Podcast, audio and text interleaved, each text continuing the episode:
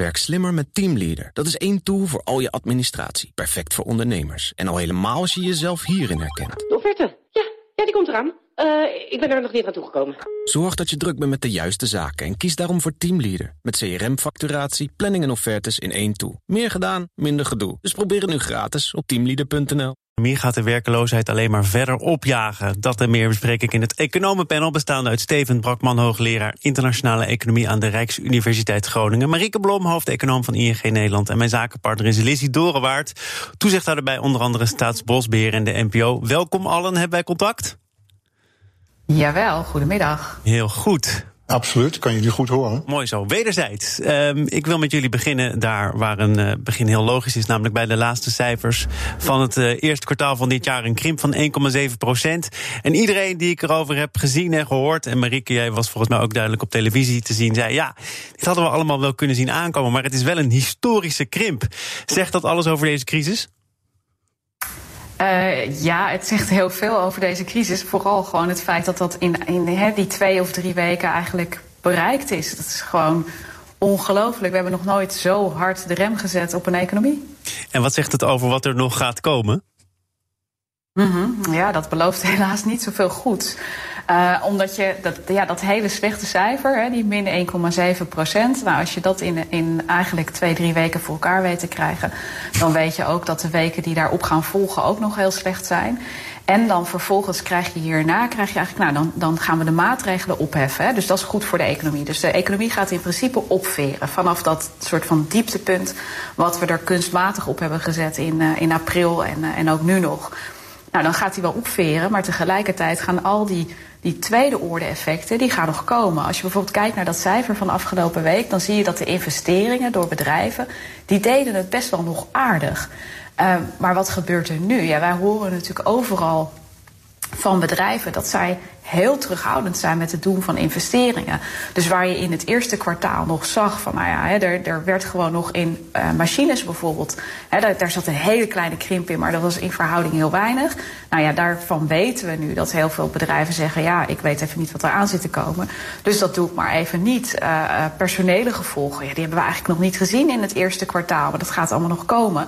En dan krijg je die domino-effecten. En de economie is, iedereen is met iedereen ver, verbonden. En uh, ja, het feit dat uh, de ene ondernemer niet meer investeert, betekent vraaguitval bij de volgende ondernemer. Het feit dat er flexibel personeel uitgaat, betekent vraaguitval bij de volgende ondernemer. En ja, die effecten, dat gaat eigenlijk pas beginnen dit kwartaal. Maar het idee was volgens mij ervoor te zorgen dat dat eerste domino-steentje niet zou vallen. Is dat dan, Marieke, naïef geweest? Uh, nee, ja, ik denk echt dat de Nederlandse overheid ontzettend veel uh, uh, geld heeft ingebracht in een poging om die, die domino-steen zo min mogelijk te laten vallen. Hè. En er heeft iedereen natuurlijk ook steeds over gezegd van ja, het is onvermijdelijk dat er domino-stenen gaan vallen. Um, uh, maar ik denk dat als je kijkt naar het pakket, het, het, eerste pakket wat erin zat, dat dat een, een ruim pakket is. Met heel veel aandacht ook voor liquiditeit. Hè. Dus, dus met al die uitstel van belastingen, hè, loonbelasting, noem maar op allemaal. Dat het echt heel veel bedrijven door de eerste nood heeft heen geholpen. Uh, en de vraag is veel meer van ja, wat gaat dat tweede pakket nou eigenlijk betekenen voor de economie? Ja, we spreken jullie eigenlijk net uh, twee of drie dagen te vroeg, want dat tweede pakket daar moet ook nog over worden overlegd. Er moet nog een akkoord worden bereikt. Steven, wat we wel weten is dus die krimp van 1,7 procent. Wat is jou het meeste opgevallen? Nou, die krimp, die is, uh, wat Marieke ook zegt, dat is vrij schokkend. Dat, in zo'n korte tijd, uh, voor dat we dat in zo'n korte tijd voor elkaar hebben weten te krijgen. Het is ook geflatteerd door het CBS, omdat het gaat over het eerste kwartaal. Dus januari, februari was gewoon een normale economie. Uh, en aan het staartje van het kwartaal hebben we dit voor elkaar gekregen. Dus dat is ja, inderdaad ongekend. En dat blijkt ook uit de cijfers van het Centraal Planbureau. Die hebben op een andere manier gekeken. Die proberen eigenlijk naar de meest recente cijfers te kijken. En die hebben gekeken naar het aantal gewerkte uren. Dat geeft een betere indicatie van wat er nou precies aan de hand is. Uh, en die, die dalen met 13 procent. Dus vertaal je dat in uh, werkloosheidscijfers. Ja, dan zie je de werkloosheid die nu nog eigenlijk uh, geflatteerd laag is.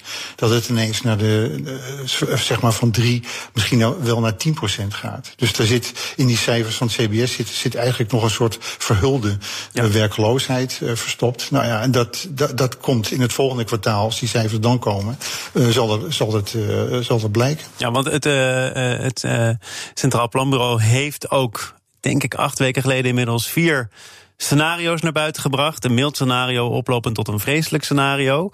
Kunnen die eigenlijk alle vier al bij het oudvel? Of is het nog denkbaar dat we in het derde of vierde scenario terechtkomen, Steven? Nou ja, geen enkel scenario kan bij het oud vel. Het is, het is een goede vingeroefening. Nee, maar je gaat nu uit van het meest sombere scenario. Dus uh, die scenario's die het Centraal Planbureau verkend heeft. Nou, het meest sombere is nu uitgekomen. En dan kun je kijken wat de effecten zijn. Nou, dat, dat is nu uh, goed in kaart gebracht door het Centraal Planbureau. Dus de staatsschuld die zal oplopen van 40 naar zo'n 60 procent van het bruto nationaal product. De werkloosheid die neemt met, naar, naar zo'n 10 procent toe.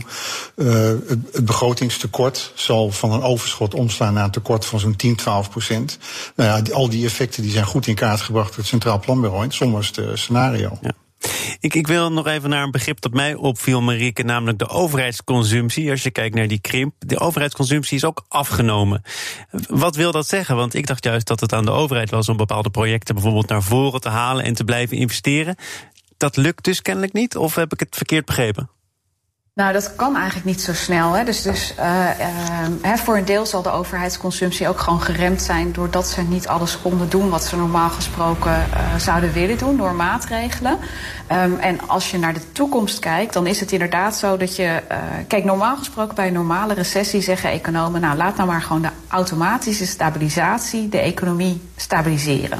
Dus wat, hè, dan, ja, we, uh, we, betalen minder belasting, we krijgen meer uitkeringen. Nou, dat is bij, de, bij een normale recessie wel genoeg om de economie weer een beetje stabiel te krijgen. Nou, dit is zo'n ernstige recessie dat je zou kunnen zeggen van je mag misschien nog wel extra geld gaan uitgeven. En dat kan je dan doen in de vorm van consumptie. Uh, dus dat zijn dingen waar je geen geldelijk rendement op maakt. Hè. Dat kan zijn dat je, uh, weet ik veel, uh, de, de parken mooier gaat maken. Hè, zoals we ooit zo'n Amsterdamse bos hadden door Keynes. Um, of je kan zeggen van nou, ik ga extra investeringen doen. En dat zijn uitgaven waarvan je hoopt dat je er in de toekomst een financieel rendement op maakt. Dus bijvoorbeeld uitgaven aan onderwijs of aan infrastructuur. Nou, dat type maatregelen, daar zou de overheid wel van kunnen zeggen. Dat gaan we meer naar voren halen. Um, en daarmee proberen we de economie weer even een extra impuls te geven. Daar gaat het nu nog niet over. Hè. Dus, dus die reflex, een beetje Keynesiaanse reflex, ja, die is eigenlijk lijkt nog geen onderdeel van de besluitvorming. Het gaat nog over de vraag: wat kunnen we extra uitgeven om bedrijven er doorheen te ja. trekken? Maar het zou op zichzelf een gek zijn. Om... Steven, ja, natuurlijk. Steven. Vul het maar aan vanaf nu. Ja, ze, ze, ze, ze legt de vinger op de zere plek. Uh, kijk, dat eerste noodpakket, he, die overbruggingsregeling, was ook niet bedoeld om uh, de bestedingen te stimuleren. Het was eigenlijk alleen maar bedoeld om mensen niet werkloos te laten worden. Maar de bestedingen konden eigenlijk niet op peil gebracht worden, gek genoeg, omdat we thuis moesten blijven zitten. Dus we komen nu pas in die tweede fase. Dat je eigenlijk met, uh, ja, naarmate we dat virus onder controle krijgen en mensen weer naar buiten mogen, dat we nu heel langzaam uh, in die tweede fase terechtkomen. Dus dat, dat we die besteding ook echt kunnen stimuleren. Dus die eerste fase was eigenlijk heel merkwaardig voor economen.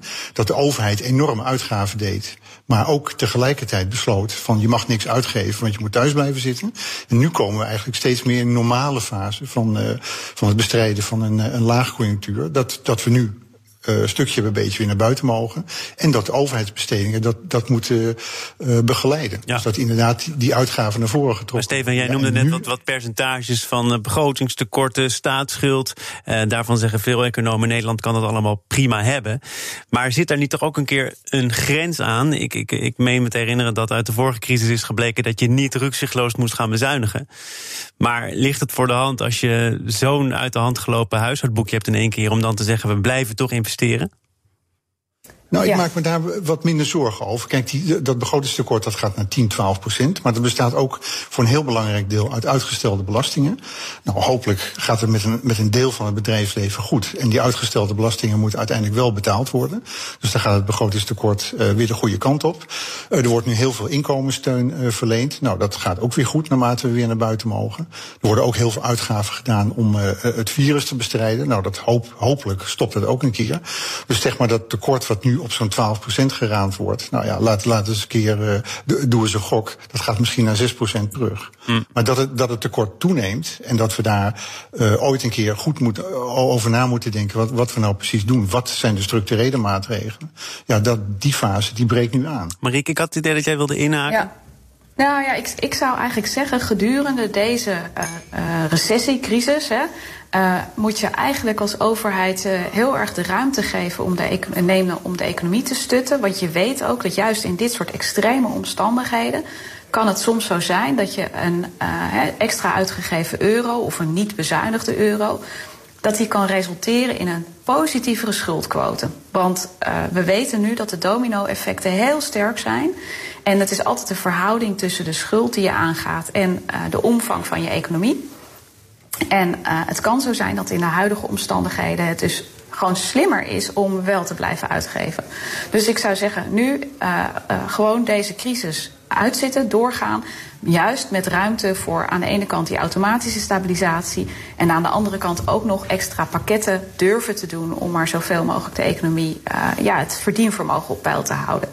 Marieke, ik ben, volgende... Marieke, ik ben het helemaal met jou eens. Want jij zegt die crisis uitzitten. Ik denk dat we wel ook moeten realiseren dat we uh, andere patronen krijgen dan dat we gewend zijn. We krijgen gewoon nog een tijd waarin uh, uh, consumenten, werknemers anders zullen, zich, ze zullen zijn.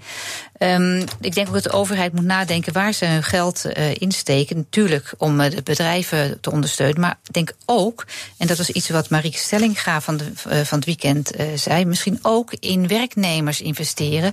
Om te kijken of werknemers misschien niet anders geschoold zouden moeten worden. Omdat een aantal sectoren de komende twee jaar misschien echt met een omzetdaling te maken hebben. Waar, waardoor je ja, daar gewoon enorme ontslagen krijgt. Um, ja. Dat is natuurlijk ook een hele belangrijke. Hè? Dus we moeten niet met dezelfde bril blijven kijken. We moeten het bril echt uh, ja, even schuiner zetten. Ja, nee, ik denk, ik denk dat investeren in werknemers een ontzettend goed idee is. Ook omdat we weten dat er een aantal sectoren onder druk komt. Hè. Neem de winkelstraten, waarvan we weten dat die structureel ook al onder druk staat. Uh, dus ja, uh, grootschalig herscholen. En dan vervolgens, hè, dan zul je dus zien aan het eind van deze periode hebben we een hogere schuldquote. Hè. Ik bedoel, we hebben uh, dat extra beleid gedaan. En dat, ja, voor een deel vertaalt dat zich in een hogere schuldquote. En dan zou ik zeggen van, nou ja Ga dan nadenken over welk plan je daarop maakt. We weten, hè, zeg maar, je moet dan vooral zorgen dat er op lange termijn een evenwicht is tussen wat je uitgeeft en wat er inkomt. Uh, uh, of althans een evenwicht. Je mag zelfs als overheid, die mag ieder jaar een beetje geld tekort komen. Hè, want dan als die quote maar stabiliseert, hè, want de economie groeit tenslotte ook. Uh, en dan gaat het er vooral om dat de overheid een, een beeld heeft van hoe ze op termijn omgaan met de verhouding tussen uitgaven en inkomsten. Nederland heeft daar een goede reputatie op. En dat betekent dat de kans dat wij een hogere risicopremie gaan betalen in de markt. Dus dat je een hogere rente zou krijgen in Nederland. Omdat de overheid zich onverantwoordelijk zou gedragen. Die kans is. En dan moet je ook met Europa samen gaan kijken hoe gaan we dat hier oplossen met die schuldquotes. Want niet alleen Nederland heeft dat probleem, ook een heleboel andere Europese landen hebben dat probleem. Dus de oplossing daarvoor moet eigenlijk ook op grond van Europese afspraken komen met elkaar. Want in je eentje gaan zitten bezuinigen, dat uh, zou denk ik geen uh, zinnige strategie zijn, zelfs niet nadat deze crisis is afgelopen. Zaken doen. Het woord is aan het economenpanel, bestaande uit Steven Brakman, hoogleraar internationale economie aan de Rijksuniversiteit Groningen. Marieke Blom, hoofdeconoom van ING Nederland. En mijn zakenpartner Lizzie Dorenwaard, toezichthouder bij onder andere Staatsbosbeheer en de NPO. En Steven, Marieke haalde net al de Europese context aan. Als je kijkt naar de Europese uh, verschillen die er zijn, dan zijn die aanzienlijk. Als je de Franse economie bijvoorbeeld uh, erbij pakt, 5,8% krimp. Spanje, Italië ook aanzienlijk steviger dan in Nederland. Um, bemoeilijkt dat ook een gezamenlijke Europese aanpak? Dat die landen er toch nog wel verschillend voor staan? Absoluut. Dus uh, uh, kijk, wat Marieke net zei, die, uh, de landen die, die verschillen, ook qua schuldniveau. Nou ja, kijk, met wat pech komen we toch weer terug in de situatie die we in 2010 hadden met Griekenland. Dat de financiële markten toch met, met enig wantrouwen kijken naar die zuidelijke Europese landen. Kunnen die hun schuld wel terugbetalen? Nou, ook al zouden ze dat kunnen, als die financiële markten besluiten gezamenlijk dat, dat ze dat niet kunnen, of daar in ieder geval niet, niet zoveel vertrouwen in hebben, gaat de rente omhoog. En dan krijgen we eigenlijk een herhaling van destijds, hè, in 2010, dat, dat, dat er weer druk op de euro komt. Nou ja, dat, dat is een levensgroot risico. Dus ik denk dat het gecoördineerde beleid, waar vanmiddag over wordt gesproken, uh, in Europees verband, ja, dat gaat gek genoeg niet zozeer over hoe stimuleer je. Kijk, dat stimuleringsbeleid in Europa, dat is gek, gek genoeg wel goed, uh, hebben we goed voor elkaar, via de Europese Centrale Bank. Nou, die coördineert dat heel goed. Die houdt de rente laag. Nou, dat is een belangrijke stimulerende factor. Waar het nu om gaat, is dat we in die tweede fase, nadat we het virus onder controle hebben, hoe bouwen we eigenlijk al die staatssteun af? Dus al die landen die zijn op een verschillende manier zijn ze bedrijven aan het steunen. Dat doet Nederland, dat doet Duitsland. Maar dat doen eigenlijk al die Europese landen. Hoe komen we daar op een goede manier van af? Dus gek genoeg moet eigenlijk uh, dat overleg gaan over hoe we weer van, van al die stimuleringsmaatregelen afkomen. En wat, we, wat er dan voor wereld, Europese wereld ontstaat. Ja. Dus denk aan staatssteun. Uh, de KLM die krijgt nu staatssteun. Nou, heel veel bedrijven binnen Europa krijgen staatssteun. Nou, wordt, wordt, dit, wordt, wordt het coronavirus nu aangegrepen om die staatssteun voor sommige bedrijven eindeloos lang te rekken. Dus ik, ik, ik heb er wel vertrouwen in dat bij de KLM, dan zijn we er over één of twee jaar vanaf. Maar doen Zuid-Europese landen dat ook, hè, met de spoorwegen, met hun vliegtuigmaatschappijen. Nou ja, dat, dat wordt een hele, hele belangrijke discussie. En wat, wat vind je van de verschillende pakketten die er op dit moment zijn? Ik kwam eh, afgelopen weekend een uitspraak tegen van de eurocommissaris Verstager. Die gaat daar voor een belangrijk deel over. Die maakt zich zorgen over de grote Europese verschillen. Hè. Duitse bedrijven, zegt zij, kunnen door de ondersteuning van hun regering de crisis veel beter weerstaan. En komen er dan dus ook weer sneller uit dan bijvoorbeeld Italiaanse ondernemingen. En dat is zorgwekkend. Maar je kunt toch ook zeggen, ja, als die Duitsers hun, uh, hun begroting op orde hebben dan is het toch logisch dat ze hun Duitse bedrijven ondersteunen en dat ze daarmee niet meteen kijken naar of Italië hetzelfde kan doen. Nee, dat, ja. maar die zorg die, die deel ik wel. Kijk, waar, waar, waar ze op wijst. En uh, over de. Kijk, Nederland en Duitsland die hebben die ruimte. En die gebruiken die ruimte ook heel goed. Zeker in de eerste fase van, van het bestrijden van dat virus. Maar wat er nu dreigt, is dat er hoop bedrijven. Ja, via die staatssteun en via die hulp. Uh, op, een, op een oneerlijke manier gaan concurreren binnen Europa. Naar andere landen die hebben die mogelijkheden veel minder. Dus je krijgt nu toch een wat een uh, ja, ongelijke uh, concurrentiestrijd binnen Europa. Deels door staatssteun gedreven. Ja, en daar moet je vanaf. En dat, dat, ze daar, dat ze daar zorgen over heeft, dat begrijp ik heel goed. Marike? Ja, wat je natuurlijk wilt, is dat wat Duitsland kan, dat Italië dat ook kan. Zodat, zijn, dat, zodat de gezonde bedrijven daar gewoon door kunnen. En dat heeft natuurlijk ook te maken met de, de staat van het bankwezen daar. Uh, die ook sterk verknoopt is, nog steeds met de Italiaanse overheid. En ja, de, ene, de ene blik die je daarop kunt hebben is uh, hoeveel kunnen ze daaraan, uh, hadden ze daar in het verleden niet al heel veel aan moeten doen.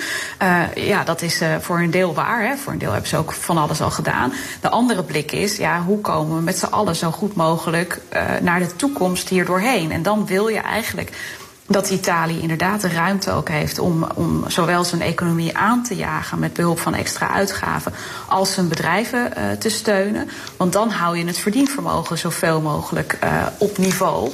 Um, en, en wat Steven daarnet ook zegt, ja, uh, um, de ECB is nu aan het opkopen. En daarmee houdt de ECB de rentes van al die landen laag. En dat betekent dat er op korte termijn dus geen financieringsprobleem is voor de Italiaanse overheid of voor Italiaanse banken.